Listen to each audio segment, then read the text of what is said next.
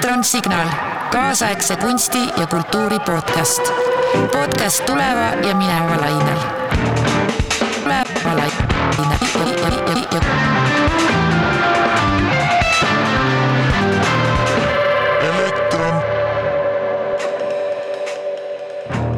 Tere jälle, nüüd me jätkame vestlust äh, Helen Lotmaniga. stuudios on Taavet Jansen ja Maicel Lond ja eelmine kord me jätsime pooleli väga põneva koha peal.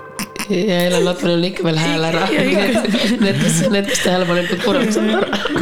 Time jump, aga ma, see on, ma ei oska nii ilusasti rääkida, aga ma proovin kunagi aastaid tagasi ma komistasin otsa ühe teoreetiku, ta on vist rahvusvahelistes suhete valdkonnast teoreetik Patricia Molli ja ma lugesin tema mingit, ma arvan, et see oli doktoritöö või midagi. ta vaatab, ähm, vaatles siis rahvusvahelisi suhte nagu ajalooliselt äh, läbi feministliku prisma, sest et see on need, need äh, reeglid ja kombed ja kogu selline poliitiline jaotus ja kuidas äh, sõjad ja rahu ja kõik need kontseptsioonid on, äh, on äh, meeste poolt noh, klassikaline, hästi lihtne meeste poolt ja ka nüüd, kui vaadata nagu teiste prillidega. ja siis ta kirjeldas, et rahvusvaheliste suhete kontseptsioonis rahu eksisteerib ainult sõja kontekstis et rahu kontseptsioonina tal ei ole nagu maapinda või juuri, äh, ta eksisteerib ainult sõja kontekstis, see tähendab, et rahu eksisteerib siis, kui sõda ei ole. Mm..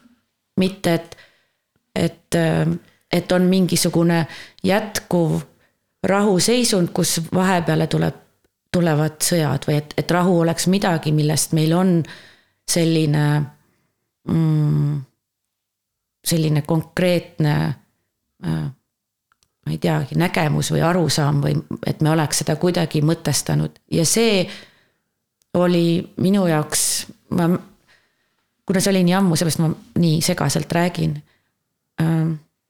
aga see šokeeris mind, ma ei olnud kunagi niimoodi osanud vaadata. ja see siiamaani, see hirmutab mind. Mm.. kuidas öelda, et me jäämegi sellesse pendlisse, kui ei ole kontseptsiooni mm. rahule iseseisvalt väljaspool sõda mm. -hmm. et, ähm, et mul tuli see nüüd kuidagi meelde nende tähenduse, äh, tähenduse loomega või võib-olla me oleme jah, aastasadu maganud maha selle, see töö on jäänud nagu mõnes mõttes võib-olla tegemata või mm. mul tekkis selline tunne ja nüüd me lapsed on ja meie ise oleme suhteliselt rahulikus ajas elanud ja meil hakkas juba tunduma, et jube tähtsad asjad on, on see mingi see cappuccino vaht on ju. kaeralatte. ja kaeralatte, me oleks, me tegelikult oleks pidanud tegelema sellega, et ja ma ei tea, no see ongi nii abstraktne, aga et, et me oleks pidanud tegelema sellega, et, et rahu saaks nii tugevaks kontseptsiooniks, et ta oleks iseseisev ja tugev. Mm.. kuidagi, ma ei tea. Mm.. ja, ja, ja nüüd fuck, sõda on Euroopas. Mm.. see mm. -hmm no jälle mõtlesin pudeli kaelaks, nii palju mõtteid tuli korraga. et um, üks asjadest, mida siis uh, minu vanaisa meile, meile õpetas, kui me väiksed olime, kui me küsisime, et miks maailmas kurjus on olemas. oli see, et, et ilma kurjuseta ei paistaks headus välja. ja mina ise praktikas kogesin seda siis, kui ma alustasin äh, tööd operaatorina. siis ma olin kogu aeg hädas valgustamisega, ma ei, no rääkimata sellest, et ma ei saanud hakkama valgustamisega algas see ikkagi sellest, et ma tundsin, et ma ei näe valgust, et ma ei saa aru, kust suunast üldse valgusallikas peaks tulema. selleks, et saavutada noh, millise tulemuse ma tahan. ja ma olin sellega pikalt hädas. ja mingi hetk ajapikku ma sain aru, et selleks, et näha, kust tuleb valgust, sa pead vaatama, kus on vari. varjud näitavad seda, kus on valgus. et kui ma ei näe varju, siis järelikult mm. on lame, siis ongi see kaeralatte yeah. või bürokraatia. et siis on kõik ühtlaselt sihuke natukene no lamevalgus, no mis on sihuke ühtlaselt natuke eba, ebamugav on sihuke. kõik on nagu hästi, aga tegelikult nina sügeleb kogu aeg. aga kui on suured kontrastid, et siis sa tõeliselt, siis sa näed väga selgelt, kust suunast valgus tuleb. et see praegusel hetkel ma olen noh, siin üks põhjus, miks mul praegu hääl on ära, on, on see, tegelen sellise amatöörliku heategevusega, et äh, tassin, tassin oma laste väikseks jäänud riideid äh, saabuvatele Ukraina lastele. ja selline noh, see ilu inimestes, mis, mis on Eesti täiesti tavalistes sellistes üldiselt äh, üks kord aastas ühe sõna ütlevates sellistes inimestes on ju. see ilu, mis, mis on praegu avaldunud tänu sellele, et, et meile tuleb väga palju väga hädas inimesi ma ei ole, ma ei ole eestlast noh, nagu nii ilusast küljest, ma arvan, elu jooksul näinud, võib, võib, no võib-olla. Laul- laulva revolutsioon lähim sellele on laulev revolutsioon, aga, aga laulev revolutsioon on revolutsiooniline, aga see praegu nagu, milline nagu meeletu vajadus aidata on, on, see on ikka noh, väga liigutav. selle tõttu taaskord ma ei ütle, et, et äh, nüüd sõjad on hädavajalikud, et äh, aga, aga ma ütlen, et, et selleks, et hirmust lahti saada, et selleks, selleks on vaja näha seda, et, et, et see ja yang, et ainult siis, kui on mingi asja Jah. vastand olemas, ainult siis on võimalik, et see asi eksisteerib. see on, see on selline meie taju dualistlik viis. aga aga sealt edasi muidugi me peame küsima, et kui me räägime sellest, et need uued tähendused, mida me hakkame looma inimkonnale. et me ei taha ju öelda, et aga no peabki nii olema, iga natukese aja tagant on sõda ja siis meil tuleb jälle meelde, mis see oli. et no näiteks, kui sa vaatad, on ju Euroopa ajalugu, kuskil liikus üks päris huvitav selline Euroopa ajaloo, noh, see oli nüüd enne, enne seda aastat, mõned aastad tagasi üks sihuke Euroopa ajaloo infograafika, kus oli näha selline joon, pikk joon on ju, ja siis oli sõda, sõda, sõda, sõda, sõda, sõda, sõda. ja siis oli sihuke pretsedenditult pikk nagu rahuperiood, see oli siis umbes seitsekümmend aastat. ja see on see, mis Euroopa Liiduga oli samal ajal. et, et mingis mõttes, et kui me seda Euroopa Liitu vahepeal vaename ja vihkame selle bürokraatia pärast, siis vahetevahel, kui see bürokraatia mind hulluks ajab, siis ma mõtlen, alternatiiv on sõda, nii et kui mul on Jaa. valida, et kas ma planeerin mitu work package'it mul on mingisuguses projektis ja, ja mis on selle deliverable'id ja kõik see nagu hullus. et siis ma mõtlen, et parem see, kui see, et ma mõtlen, kus mu lapsed süüa saavad. või et mõtlen, et, et kahju, et mu ajal keldrit ei ole, et peitu minna. et, et selles mõttes see on teatav paratamatus, et, et igasugu, et mida kaugemale meist jääb viimane sõda, seda, seda seda teoreetilisem see tundub ja seda aktuaalsemad tunduvad meile probleemid, mis võib-olla ei ole nii Jah. aktuaalsed. mis on ka arusaadav, sest see on meie viis no, no häälestuda ümbritsevale, et me kogu aeg häälestume ümber sellele, mis meie ümber toimub. aga, aga mina ise olen, olen mõelnud jah seda, et, et mingil määral on see, seesama see duaalsuse printsiip, ma olen vist selles ööülikoolis ka rääkisin sellest, et, et ma iseenda jaoks mõtestasin selle nii, et, et kui, kui, kui nagu mingi asi mingis suunas, mingis suunas areneb no ütleme näiteks toome inimliik, aga see võib olla ka mingisugune ühe inimese elu või see võib olla mingisugune periood sinu elus või see võib olla mingi liigi evolutsioon. Aga ütleme siis näiteks toome inimese liigi, et kui ta mingis suunas areneb, siis, siis on, tihti on see, et mingi omadus annab sulle väga tugeva eelise. näiteks inimeste puhul oli selleks väga suur aju ja aju hakkas muudkui kasvama, mida, mida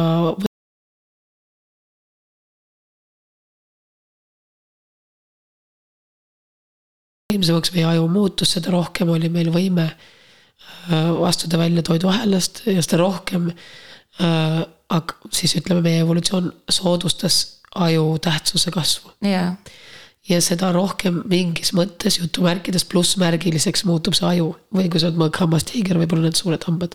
või kui sa oled parasjagu äh, keskea kriisis inimene, et siis võib-olla see trenn.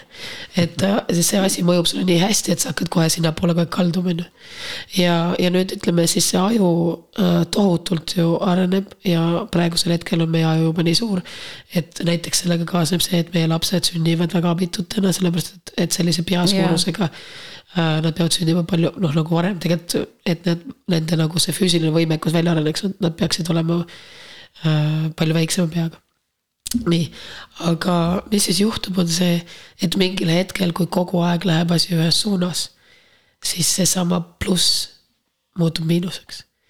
kõik probleemid, millega me praegu maadleme, alates globaalsest soojenemisest, lõpetades äh, globaalse ebavõrdsusega või inimeste äh, väga suurte psühholoogiliste ja vaimse tervise probleemidega, mis on ka väga oluline asi, see vaimse tervise kriis on asi, millest kindlasti peab ka rääkima.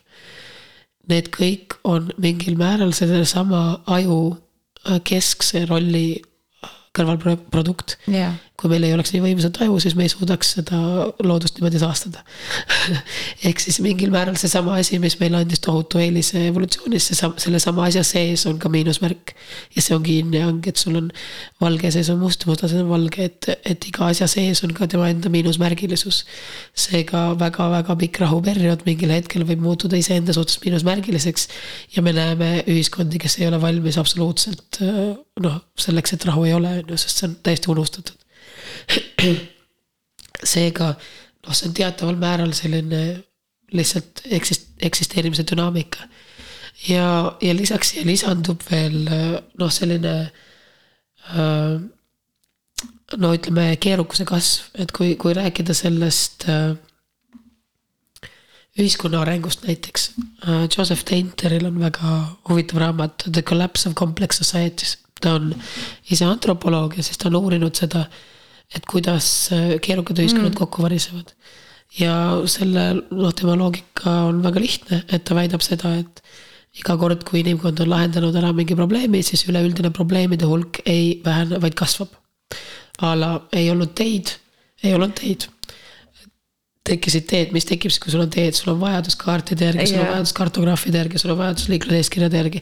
sul tekib tohutu vajadus terve hulga muude asjade tööliste, järgi. tööriiste, inimesi, kes Jah. oskavad teid ehitada, inimesed, irrigatsioonisüsteemid ja kes neid teid hooldab.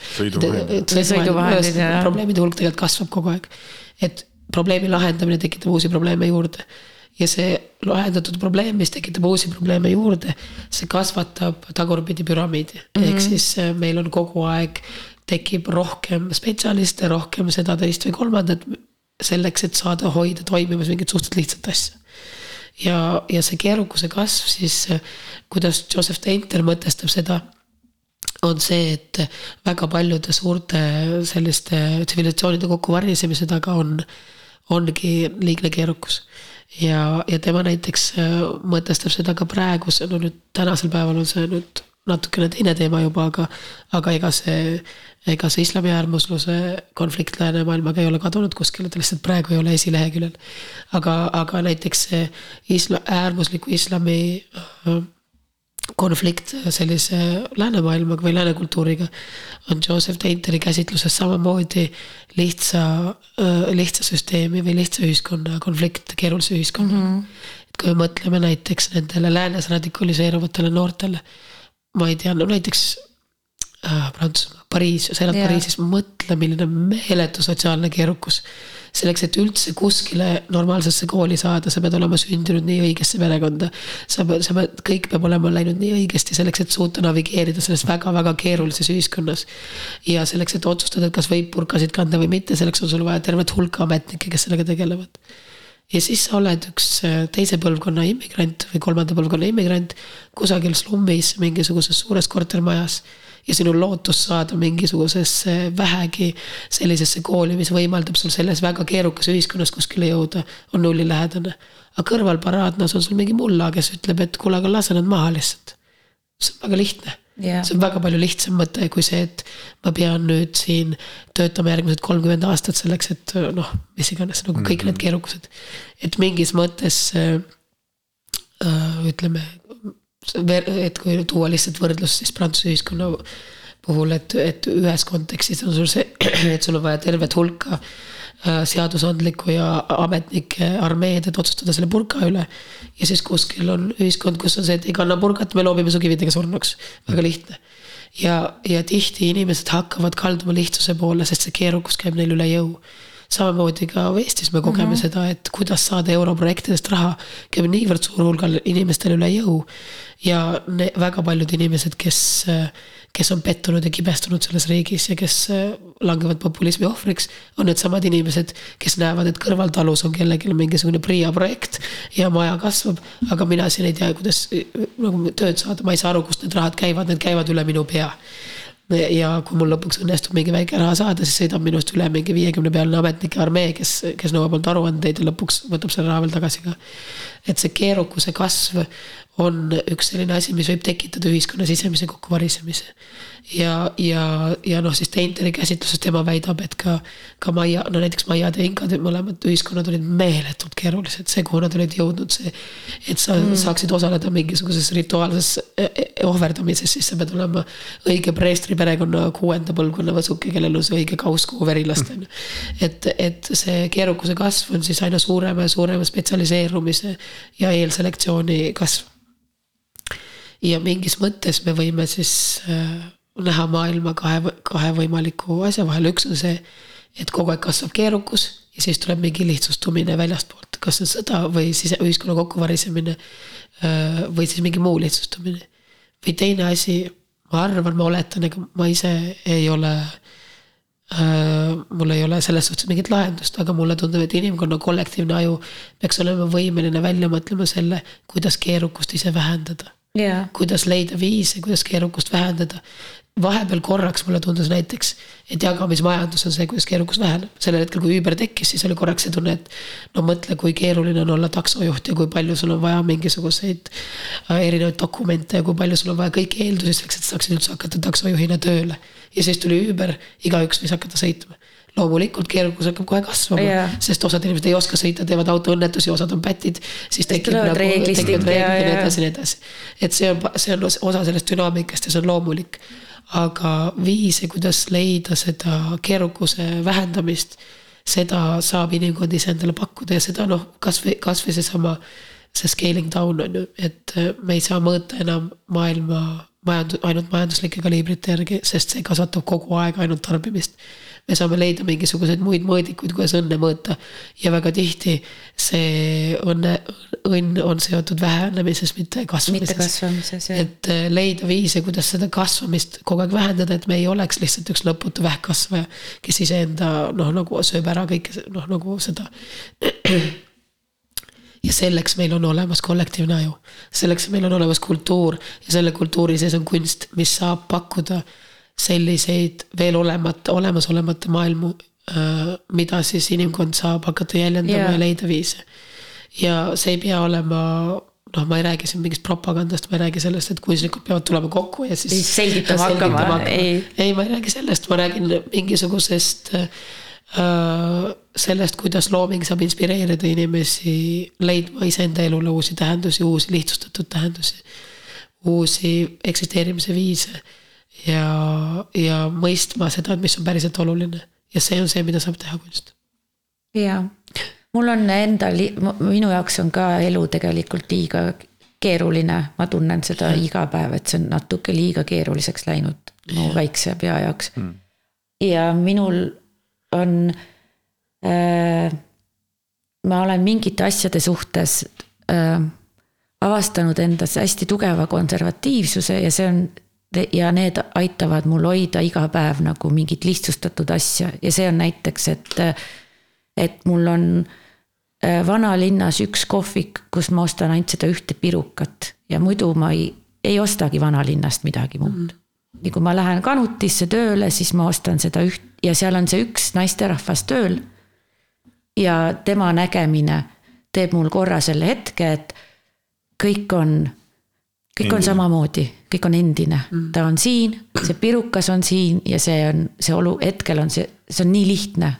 ja sellised väikesed tillukesed asjad. Mm. ja ma olen hästi konservatiivne ja kui see koht on näiteks kinni või midagi, ma olen täiesti segaduses. Mm. sellepärast, et mis mu päevast nüüd saab.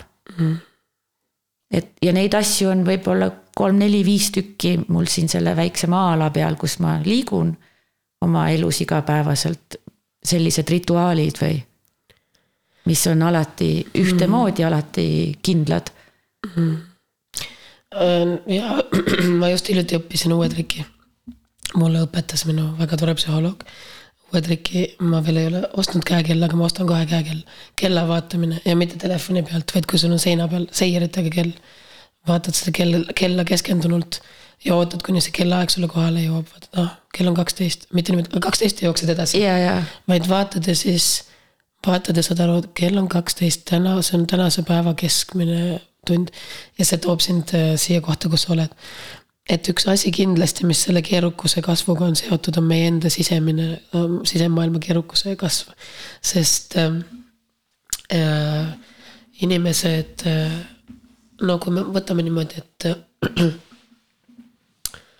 kui staatilised ja kui vähe füüsilised inimesed praegusel hetkel üldse on, on ju. et äh, kui me mõtleme sellest, et mis üldse võiks olla emotsioonide evolutsiooniline põhjus, miks meil üldse on emotsioonid, mis, mis nende funktsioon võiks olla, siis äh, emotsioonid on äh, käitumise tekitamise impulss et läbi selle, et mul on siin hea olla, ma saan aru, et ma peaks olema siin mm. -hmm. läbi selle, et mul on halb tunne, ma saan aru, et ma peaks ära minema. ehk siis meie sellises kehameeles on emotsioon vahetult seotud käitumisega. emotsioon tekitab meil vajadust käituda, aga mida me teeme enamus päevast, me istume arvutis ja tunneme mingit tuhandet erinevat tunnet tunni aja jooksul, aga me ei käitu selle peale. maksimum, mis me teeme, me liigutame sõrmi. aga tegutsemisimpuls tekib, sa tahad tõusta püsti ja minna kuskile sa markeerid seda, sa ütled, et feeling hopeful või ja. feeling angry Facebookis. absoluutselt, aga mis, kuidas toimib, ütleme, see keha-meele terviklikkus, see on seotud, on sihuke termin nagu stress cycle decompression. ehk siis see on see, et no ma toon siin ühe paralleeli, et kui, kui vaadata, kuidas näiteks käitub metskits, kes hüppab sulle tuledesse hüppab tuledesse, hüppab minema pimedusse, sina sõidad edasi. metskits on seal pimeduses kuskil, et kui jälgida, mida see metskits teeb vahetult pärast seda, kui yeah. tal stressiolukord on üle läinud, mis ta teeb? ta raputab ennast, ta teeb nagu uh, okei okay,, möödas, liigub edasi. ja see on üks sellistest stress cycle decompression inglise keeles ehk siis stressitsükli lõpetamist, see viisidest, mis meie keha teeb. ta sai väga suure kortisooli laksu, tal oli väga suur stress yeah nüüd ta saab aru, see on möödas ja ta keha ütleb talle, nüüd on kõik. see stressitsükkel on lõpetatud, nüüd võid edasi liikuda. ja läbi selle see kits on võimeline elama, ilma et ta iga kord saaks posttraumaatilise stressisündroomi yeah. pärast seda, kui ta auto ette hüppas. või et ta hakkaks täielikult vältima teid. ja no mingil määral ta ka tõenäoliselt selle tõttu võib ka autole jääda, sellepärast et väga pikaks ajaks ei jää meelde, on ju. teataval määral asjade meelde jätmine, mingis stressis püsimine on ju selgelt selline evolutsiooniline kohastumus aga mis meiega on juhtunud, on see, et kuna me nii palju oma päevast emotsioonide puhul ei saa väljendada seda läbi käitumise, sest käitumine, see, et midagi juhtus. ei, ma kas kivistusin yeah. või ma ründasin või ma jooksin. ja siis ma lõpetasin selle ära, see ütleb ajule, et see stress on läbi aga meil on see. oht lõputu, on läbi. oht on läbi, aga meil on see lõputu. meil on kogu aeg telefonid, meilid, see kogu aeg tuleb peale, kogu aeg tuleb stressisignaale. aga seda, mis, mis ütleks sulle, et stress on läbi, seda on väga vähe. ja see on see, ma arvan, miks inimesed liiguvad nii noh, ütleme iga, igasugune sport aitab selle vastu. E, e, loomulikult taliujumine, kõik sellised asjad, mis tõmbavad korraks täitsa nulli. Need aitavad tekitada selle, et sul, et see stressitsükkel siis katkestada. et see on üks sellistest, sellistest asjadest, et mis, mis aitab meil mingil määral nagu lihtsustada, on see. ja teine oluline asi on, äh, on see, et äh, inimese aju ju. et me tegelikult oleme ju füüsilised, on ju, kõik see on teataval määral ikkagi lihtsalt äh, mingi hulk rasva, mingi hulk nagu kiudaineid ja nii edasi. ja, ja mis siis toimub meie ajus, on see, et siis kui me mõtleme väga intensiivselt või, või noh, ka tunneme väga intensiivselt, sest mõtted ja tunded on omavahel väga tugevalt seotud. siis meie aju toodab sellist äh, väga palju, kui ma ei eksi, siis selle jääkaine nimi on betamülaas, aga ma võin eksida, ma ei ole bioloog sellist jääkainet, mida siis ajust peaks välja viima. see on see prügi. jah, prügi mm -hmm. täpselt, ajust peaks välja viima seda, siis see glümfaatiline vedelik, ehk siis kehas on see lümfivedelik, ajus on siis see vedelik, mis aitab puhastada aju prügist. ja nüüd, millal siis seda saab teha? kui me vaatame, millal liiguvad prügiautod linnas, millal nad liiguvad? miks nad liiguvad öösel? Et ei segaks. siis ei ole teisi autosid, nad mahuvad liikuma, sest nad on väga suured. mis tähendab seda, et sinu aju saab ennast puhastada sellel hetkel, kui seal muid mõtteid ees ei liigu. kas magamine või sportimine on need asjad, mis tekitavad selle, et mhm. sul ei ole ühtegi mõtet peas. ja siis saab see glümfaatiline vedelik seda ajuprügi välja viia su, su äh, ainevahetust pidi. Aga kui me oleme kogu aeg vahet pidamata nagu see on, see on see, mis juhtuks meie linnaga, kui meil ei oleks öösiti, no kui meil oleks niimoodi, et autod sõidaksid kogu aeg ringi, siis prügi ei viidaks välja kui ööpäeva, ööpäevaringselt oleks tänavad autosid täis, siis me kas-, kohe hakkaks prügi hulk kasvama. nii et noh, mingid asjad on sellised, mis, mille suhtes me peame olema veel eriti, eriti tundlikud, sest see kaasaegne maailm, mis me elame, ei ole päris sünkroonis selle evolutsioonilise yeah. paketiga, mis meil on kaasas ja me peame mingeid asju lihtsalt meeles pidama, et peab magama. et peab ennast liigutama ja nii edasi ja nii edasi. aga nüüd üks hästi oluline asi, sa mainisid seda millestki kinnihaaramist, et mingist mm -hmm. konkreetsest kindlast asjast. et äh, on hästi oluline, no üks asi, miks, üks põhjus, miks ma õpetan nagu oma tudengitele hästi palju seda, et reaalsus on simulatsioon. et me ei taju reaalsust vahetult, vaid me tajume simulatsiooni. tõlgendatult mm, -hmm. jah. mitte lihtsalt jah, et selles mõttes, et kui, kui mõelda, mis asi on nägemine, siis see ei ole ju Äh, no mis asi on nägemine, kõigepealt on see elektromagnetlaine tõlkimine elektrokeemilisteks signaalideks.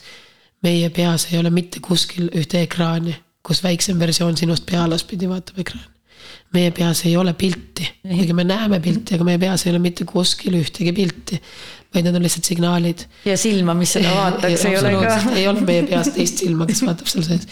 vaid need on, need, need on lihtsalt signaalid ja, ja ja kui me vaatame ringi reaalsust, siis, siis kui sa vaatad reaalsust, siis seda võib natukene ütleme, tõlgendada nagu arvuti interface'i. Et kui sa vaatad arvutiekraani, mida graafiliselt lihtsam interface on, seda rohkem sa saad sellega hakkama. aga see fail ei ole ju see pilt, mis sul on ekraanil, fail mm. on mingi hulk üks nullis, nullisid ja ühte. no ekraani ei ole ka tegelikult, ekraan on lihtsalt iga punkt, millel on väärtus nagu RGB väärtus. ja, ja meil on äh, see, meie reaalsuse taju on siis seotud sellise interface'iga, et kui ma vaatan teid kahek-, kahekesi, siis ma näen kahte inimest. Äh, ja, ja see lihtsustab mul toimida. ja see on optimaalne, sest ma võiksin näha ka väga palju muid asju, ma võiksin näha teid kui kahte bioloogilist masinat.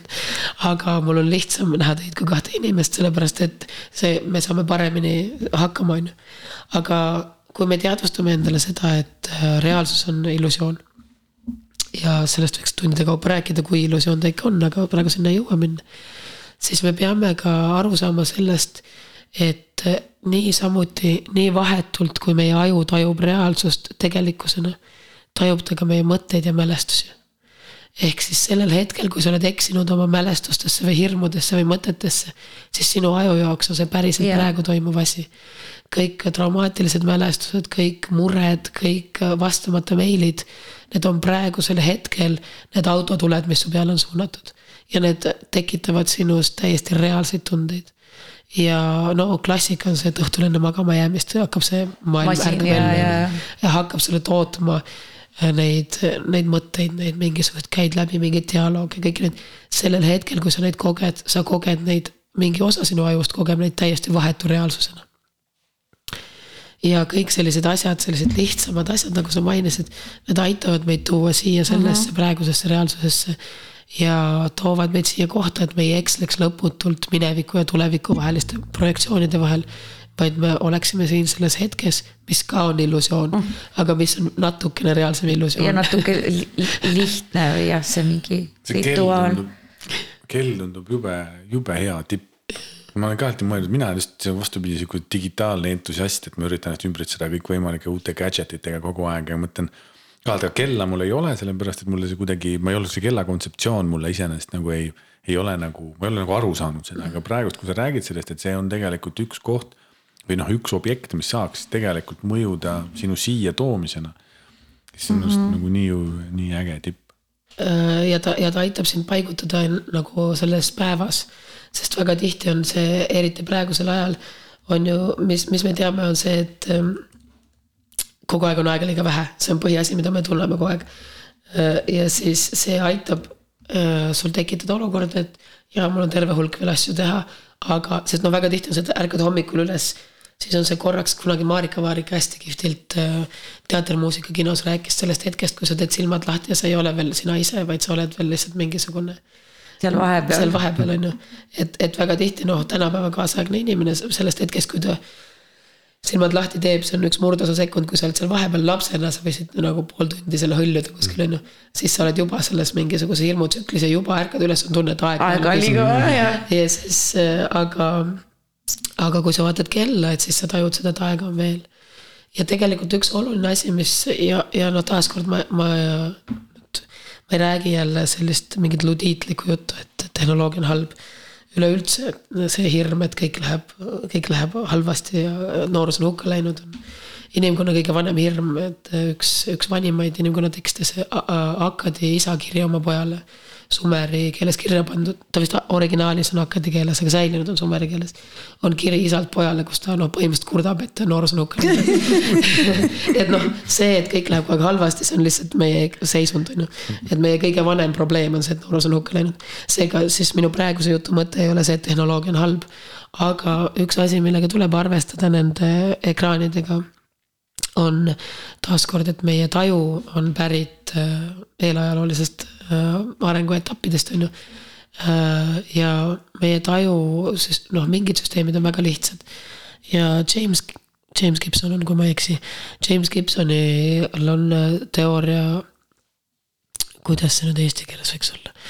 Theory of affordances, mis äh, nagu äh, selle kohta on eestikeelne termin, mul ei tule praegu meelde. võimaluste või pakkumuste mm. -hmm kui sa vaatad mingit objekti, näiteks kui sa vaatad tooli, siis sa ei vaata seda kui objekti, vaid sa vaatad seda midagi, millel on mingisugune võimalus. ehk siis sa vaatad seda kui asja, mille peal saab istuda. ja, ja kui me nüüd selles kontekstis mõtleme, mida sa saad teha raamatuga. sa saad lugeda raamatut ja enam-vähem see on ka kõik, mis sa sellega teha saad no kui sa oled väga harimatu, siis saad ka tagumikku pühkida, on ju, ja, ja kui sul on väga külm, siis saad soojustada seinu sellega, aga üldjuhul igapäevaselt raamatut sa saad lihtsalt lugeda. Kui sa vaatad äh, seda ekraani, siis sellega saab teha väga palju muid asju ka. saad sealt lugeda, sa sealt natukene saad vaadata Facebooki, natukene saad vaadata teist ja kolmandat, natuke saad kontrollida meile ja kui sa vaatad seda ekraani, siis see lõputu affordance, mida mm -hmm. ta siis mhm. võimaldab, on sul kogu aeg meeles. su aju mitte hetkekski ei lõpeta analüüsimist, mida kõike sellega teha saab mistõttu päriselt keskenduda millegi lugemisele on palju lihtsam raamatust, sest sellega saabki teha ainult seda ühte asja. ja ju ei pea tegelema. ju ei pea tegelema okay. kõigi nende mhm. võimaluste analüüsimisega, vaid ta tegelebki ainult lugemisega. aga kui sa proovid raamatut lugeda ekraanist, siis iga kümne minuti tagant sul tekib mõte, et sa tegelikult saad ju ka meili vaadata, on ju, või peaks et see on natuke sama asi kella vaatamisega, et sellel hetkel, kui sa võtad telefoni kätte ja vaatad sealt kella, siis sa ühtlasi saad ka vaadata sealt meili ja saad kõiki muid asju. aga kui sa vaatad seina peal olevat seieritega kella, siis sa saad sealt vaadata ainult kella mina pean tunnistama, et äh, mina noh, ma mitte põhimõtteliselt, aga ma ei loe üldiselt paberraamatuid üldse, et ma loengi ainult siit. ja ma loen tänu sellele, kogu mu raamaturiiul on siin ja see nõuab ikka päris palju distsipliini, et nagu siin ongi kõik võimalikud asjad on välja lülitatud, ma kasutangi seda raamatu lugemiseks, mis endale tundub.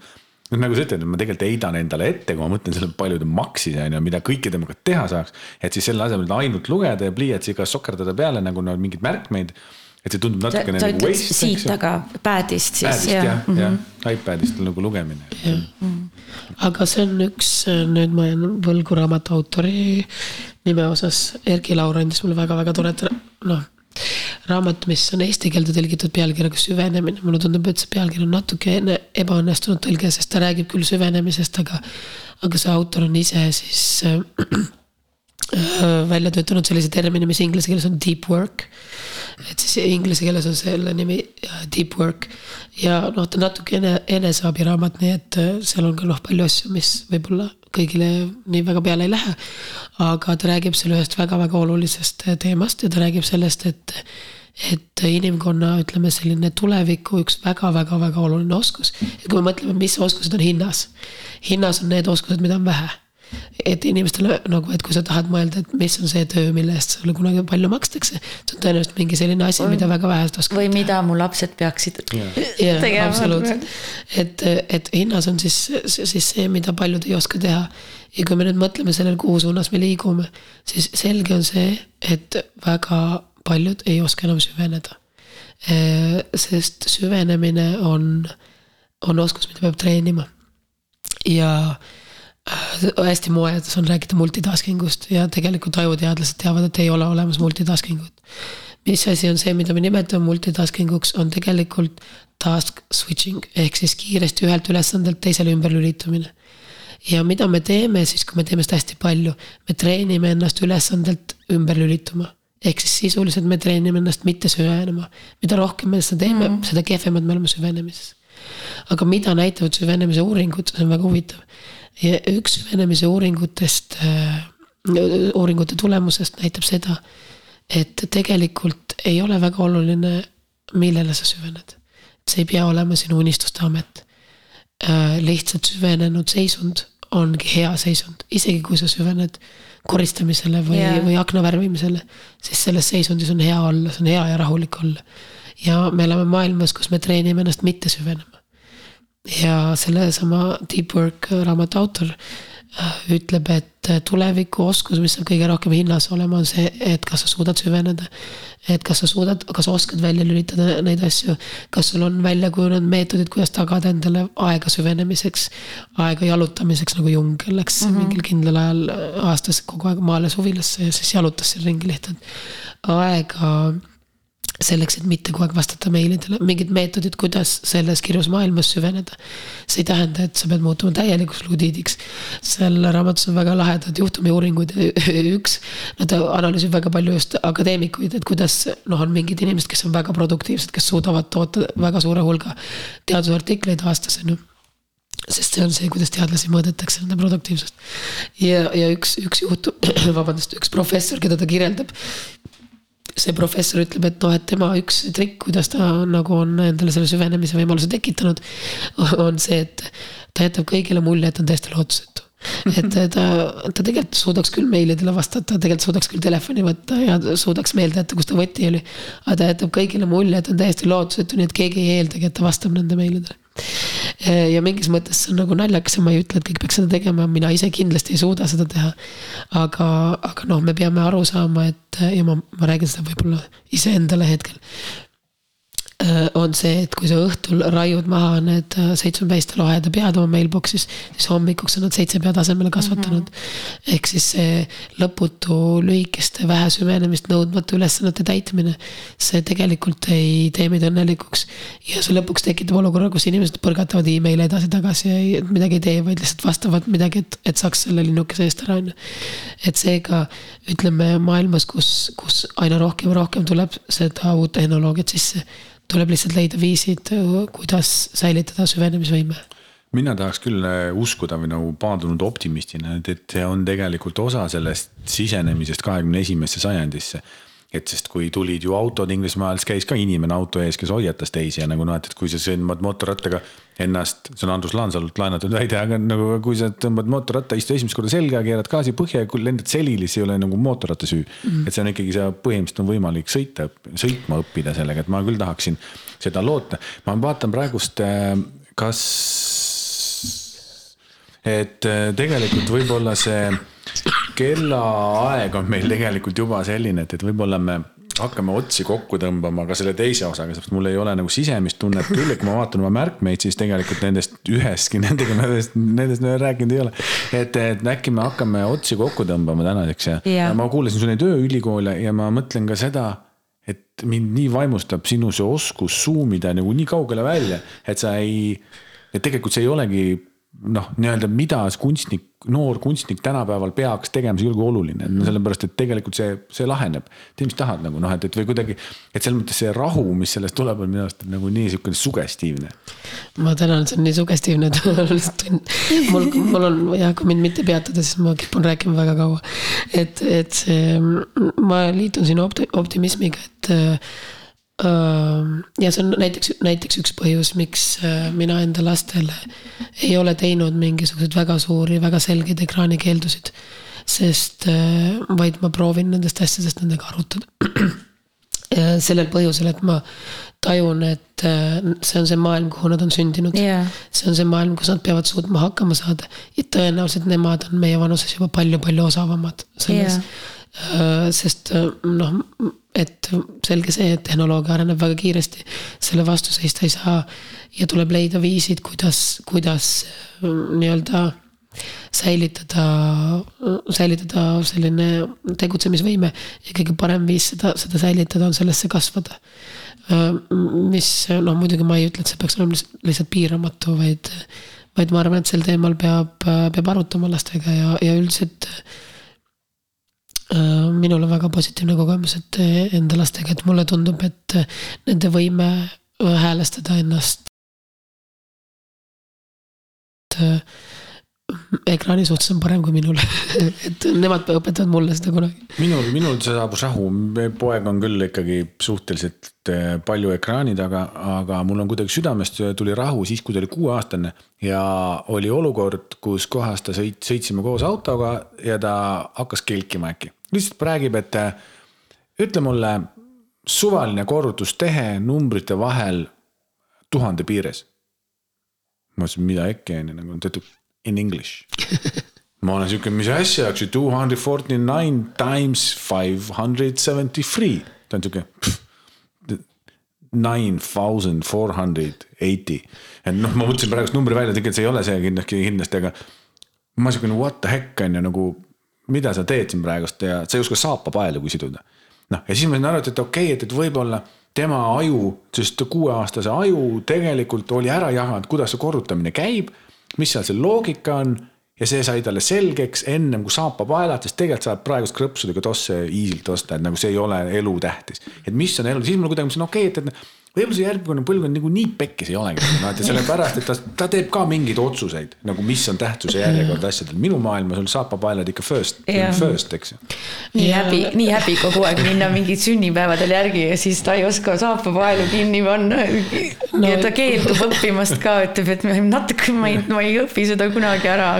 no esimene asi ma ütleks, et. aga ma olen nõus, ei ole nii oluline et üks asi, mis ma ütleks, on kindlasti see, et minu enda puhul on kindlasti, ma olen parem lapsevanem, kui ma ei ole hirmunud ja häbeneda pärast yeah.. kui ma vaatan teda huviga, siis ma olen alati parem lapsevanem. Yeah.. et kui tuleb see tunne, et hakkad ennast teistega võrdlema, siis, siis kohe muutud siukseks, nagu me rääkisime, selliseks väga kehvaks lapsevanemaks. kitsarinnaliseks aga, aga noh, see, seesama, et kindlasti noorus ei ole hukas, et seesama Akadi kiri, Akadi isa kiri pojale, seda võiks vabalt praegu kirjutada. aga üks asi küll, mis on huvitav, mis on muutumas ja ma arvan, et taaskord, et kui me räägime sellest, ma nüüd teen hästi lühidalt, sellest uute tähenduste loomisest, et et üks asi, mis on muutumas ja see, sellele ma mõtlesin, kui ma kuulasin ühe, ühe rabiloengut kus ta rääkis sellest, kuidas ta oli oma raamatu valmis kirjutanud ja pidi selle raamatu saatma kirjastusse. ja ta ei saanud selle meili saatma, selle PDF-iks tegemisega hakkama ja ta kutsus oma kolmeteistaastasele lapse, lapse, lapse appi. ja siis see lapse, lapse laps suhtus temasse nagu ta oleks täielik beebi ja ütles, no siia teed no,. ja ta oli just kirjutanud mingi meeletu teose ja oli, ta vist üheksakümmend pluss oli. ja siis tema ütles, et maailm on tagurpidi läinud, et nooremad õpetavad vanemaid yeah.. ja mõnes mõttes mulle tundub, et see mitte ei ole ainult niimoodi, vaid see on taaskord märk sellest, kui seotud me kõik omavahel oleme. et äh, sellised äh, hierarhiad, mis varem olid, et info liigub ülevalt alla või et kool on info saamise koht need äh, selles uues maailmas, kus kõik on omavahel seotud, need enam ei toimi, kool ei ole info saamise koht, õpetaja ei ole infomonopol. Õpetaja on dialoogipartner ja nii nagu me peame kuulama seda, mida räägivad inimesed meie ümber ja teistes kultuurides. me peame ka kuulama seda, mida räägivad inimesed, kes on meist vanemad, kes on meist nooremad, sest nad mõtlevad teistmoodi. ja ka, kes meist on nooremad. absoluutselt, kes, et kes on meist nooremad ja kes, kui me rääkisime sellest, et kunst suudab luua asju, mis on täiesti uued tähendused, sest lapsed suudavad seda eriti hästi luua. mu kolmeaastane kunagi küsis mu käest, vaatas aknast välja, ütles, et Helen, kuule, kas puud teevad tuult küsisin, mis mõttes puud teevad tuult? Kas nad teevad tuult, siis ma vaatasin välja, mõtlesin, täiesti loogiline, puud liigutavad yeah. ja tuul puhub et, et laste võime nagu mõelda asjadest sellisel moel. seoseid luua. seoseid yeah. luua, mis on täiesti meie jaoks seni seostamatud. ja üks asi, mida me teame loomingulisest uuringutest, on see, et selle divergentse mõtlemise või loomingulise mõtlemise aluseks on võime luua seoseid seni seostamatute asjade vahel yeah see äh, hästi kiirelt segan vahele, mida mina hästi palju olen õppinud noortematelt, on see, et nad, äh, Lukas tõlgib mulle äh, meemide nagu keelt, keelt, sisu. Ta ütleb, vaata seda on ju äge ja ma ei saa aru. Ja siis ta tõlgib mulle, mis mäng, mis, mis layer'id äh, kihid selles on ja mis vi- viitab millele ja millele on veel mingi pikk-pikk saba, on ju, sest et igal tähistajal seal on mingisugune ajalugu ja kuidas see muutunud ajas, see on nii põnev maailm. ja, ma ja olen väga, väga kehv nende lugemises, mul ei ole seda oskust ja ma õpin, noh. ma näen jälle midagi, ma ütlen, palun tõlgi mulle ära, ah see on, see tähendab. ja mõtle, kui kummaline selles Kuule- maailmas tundub industriaalne kool. Et me Väga paneme lapsed kummaline. istuma pinkidesse ja me helistame kella, ütleme istuge maha ja Jah. kuulake mingit asja. et äh, nii et aga me peame tõesti lõpetama praegust. Helen peab minema. Helen peab minema nagu suur aitäh, et sest mul ka mingi. Aitäh, Helen, tõesti. suur aitäh sulle tulemast. ja sellega me siis tegelikult lõpetamegi selle vahva podcast'i isegi series, ma ütlen, me siin mitu tükki tegime järjest ja jälgige meid siis Elektron Signal eh, podcast'i kanalil. ja tänan kõigile vabandan oma hääle pärast. su hääl on imeilus nüüd võiks nüüd, kui te saate podcast'i muusikat panna, siis ma telliks mingit äh, väga siukest sumedat soul'i, et yeah. ma saaks ära petta, et ma pean viisi. ja teeme nii. teeme nii. It's a new dawn, it's a new day. It's a new life for me, yeah. It's a new dawn, it's a new day. It's a new life for me. Ooh, ooh, ooh. And I'm feeling good.